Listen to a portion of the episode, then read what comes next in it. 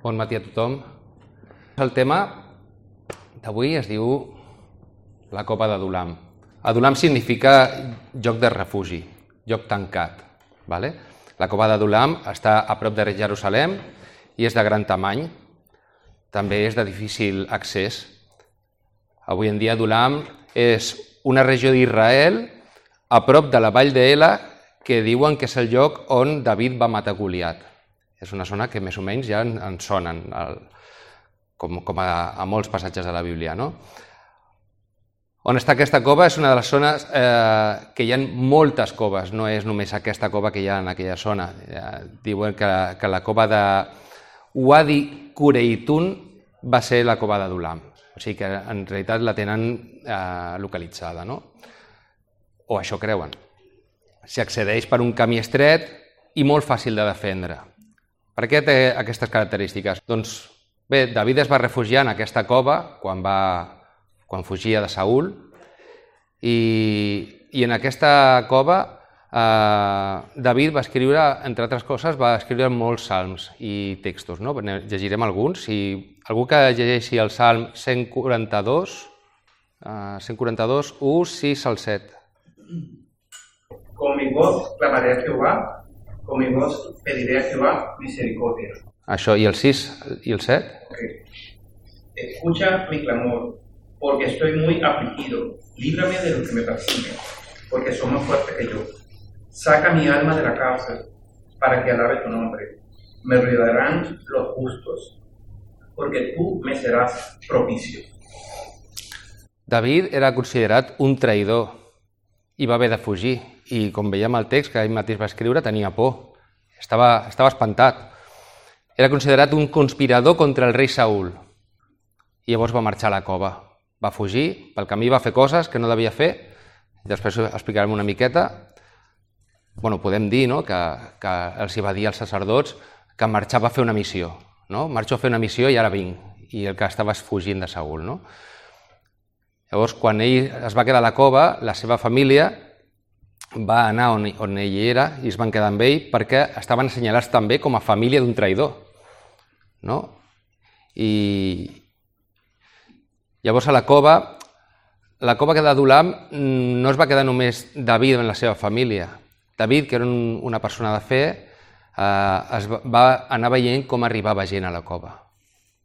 Van arribar afligits, endeutats, amargats d'esperit, va arribar gent que eren eh, que tenien una vida que, que no volien tenir. Van arribar a, aquella cova on David s'amagava. No s'explica com va arribar tota aquesta gent, però allà van arribar 400 homes. 400. No perquè David hagués cridat a ningú. No se sap per què. El Senyor els va enviar. Va enviar 400 persones. 400 homes que aquella gent va arribar a ser els valents de David, els que diuen que van acabar amb els gegants de Goliat. El que sí sabem és que en aquella cova David va escriure salms, altres texts, quan estava afligit i també quan tenia confiança, perquè David confiava en el Senyor i per això el Senyor l'estava beneint. Llegim 1 Samuel 22, versets 3 i 4.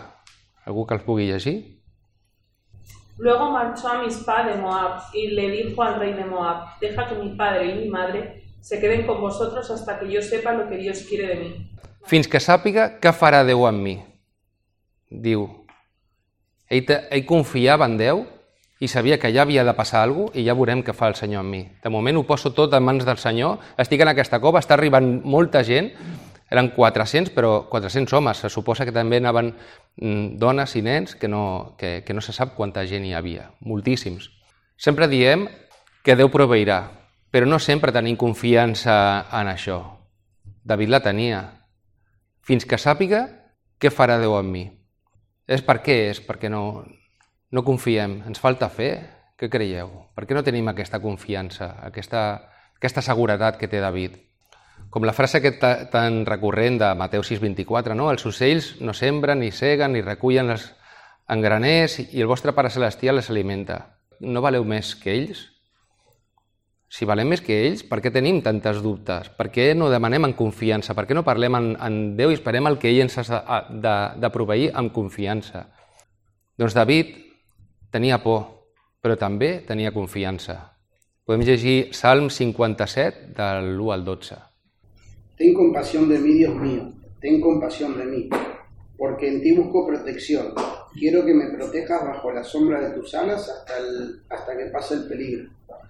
Dios Altísimo, te llamo porque siempre me ayudas. Tiéndeme la mano desde el cielo porque tu amor es constante. Tiéndeme la mano, Dios mío, y sálvame de mis enemigos. Estoy por el suelo, rodeado de leones, rodeado de hombres que, eh, que parecen bestias. En vez de dientes tienen lanzas y flechas, en vez de lengua tienen una espada afilada. Pero tú, Dios mío, estás por encima del cielo, eres tan grande que cubres toda la tierra.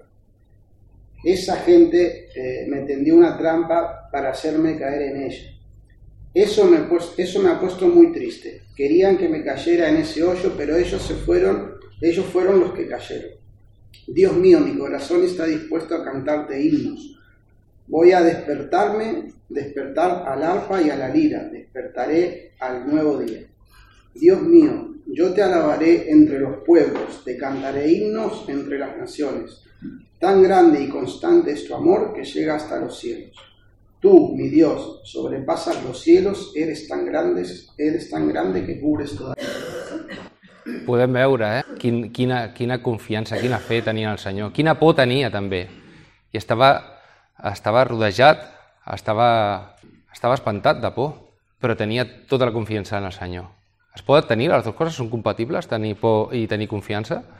Sí, perquè som humans, no? I, i si la confiança ens hagués de treure la por, doncs ja estaria, que fàcil, no? Però s'ha de tenir. Doncs per això, en aquella confiança en Déu, allà van arribar 400 homes. Pensem bé, 400 homes fa dues setmanes érem aquí 200 persones i el doble de persones només per servir-lo a ell. Aquests 400 homes eren afligits, endeutats, amargats, no eren gent eh, que venia a seguir-lo perquè sí o a veure què passava o, o com, no, com, com quan Jesús feia un sermó i arribava ja tanta gent. No, aquests venien a estar amb ell. Aquests 400 homes que eren uns pàries, que no eren feliços i que volien algo diferent. I Déu els va cridar. Els va cridar i els va donar els que ells volien, que era un líder. I van trobar a la cova de Duram al costat de David.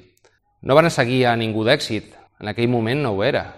No era l'Ibai Llanos de l'època, o no en aquell moment, no? No era, era David.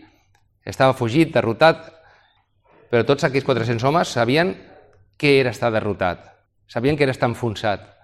Llavors Déu, que sap el que necessitaven, els hi va donar a David. David va ser el seu líder i Déu el va cridar a liderar a ell, un home enfonsat, però valent, que estava amagat, però que va agafar ànims, que tenia una doble amalgama de sentiments, però que va acceptar allò que Déu li va, li va manar. Un altre home, en la seva situació, rodejat de tots aquells valents, eh, podia haver fet, no sé, la, la banda criminal més bèstia de la història, no? perquè allò va començar a créixer i a créixer, però David era un home de Déu. David sabia que aquells homes farien el que ell digués. I quin potencial tenien aquells homes? Llegim a Primera Cròniques 12, 8. Qui eren aquests 400? Com eren? Isaí? También de los de Gad huyeron y fueron a David al lugar fuerte en el desierto. Hombres de guerra muy valientes para pelear, diestros con escudo y aves. Sus rostros eran como rostros de leones y eran ligeros como los gacelas sobre las montañas. Diu que, que aquests van ser els primers de, de milers d'homes que van acompanyar David a la guerra, que el van fer el rei que va ser. Va arribar a ser el rei més gran d'Israel. Aquests homes deien que portaven arcs, que podien llançar pedres amb la ona, amb, amb, dos, amb les dues mans. O sigui, eren, eren gent molt preparada i van anar perquè Déu els va enviar. Déu de vegades crida a, a un home sol com Noé o com Jonàs, que no volen fer el que Déu vol, no volen fer el que Déu els hi mana, i rebellen contra Déu perquè no els hi agrada el que els hi fa fer, no? Altres vegades eh, crida a un home que no pot fer res ell sol, però que té una missió a fer i li dona 400 persones. No subestimem el que Déu pot fer. Quan arriba el moment, Gad, el profeta, li diu que surti d'allà. Surt de la cova i David, que escolta Déu, surt. Saúl es posa paranoic, perquè 400 homes no passen desapercebuts. i a sobre liderats per David, el hijo d'Isaí, que li diu com, com per menysprear-lo, no? per no donar-li la, la categoria que ell té. No? Saúl, en la seva paranoia, acusa els sacerdots conspiradors, envia tota la guàrdia a matar els sacerdots. La guàrdia tenia por de Déu.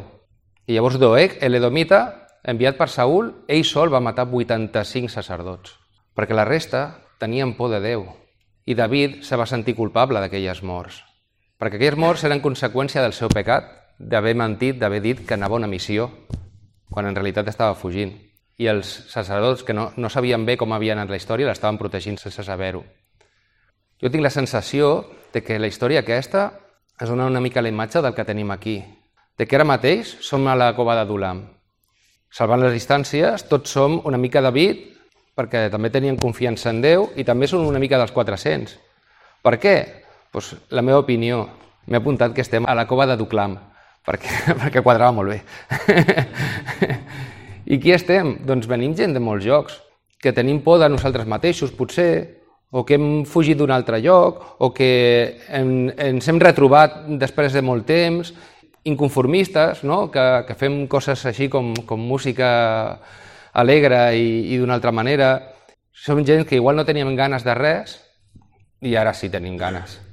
Però també Sobretot, som gent que confiem en Déu. Per això estem aquí, perquè confiem en Déu. Aquesta cova s'està omplint. Ara som 30 o així, no? Altres vegades han sigut 40, fa poc van ser 200.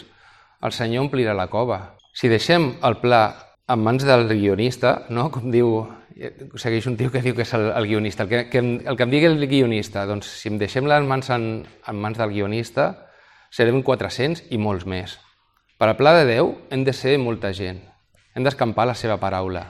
I quants més siguem, millor. Cadascú amb els seus dons. Aquí tenim una feina molt gran per fer.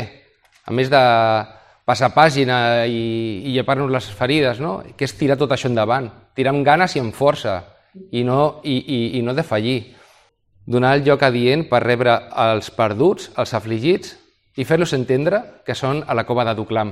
Que si ells volen, si nosaltres que som aquí també volem, podem ser els valents de David, de la nostra època, i que el nostre líder no sigui David, sinó Déu, nostre Senyor, Jesús, que va morir per nosaltres, i l'Esperit Sant, que ens beneix i ens dona forces. Bé, és un tema curtet avui, però us dono moltes gràcies per escoltar-me. Valents de clam, anem amb força, que Déu omplirà la nostra cova de gent que també vol acceptar la salvació. Amén.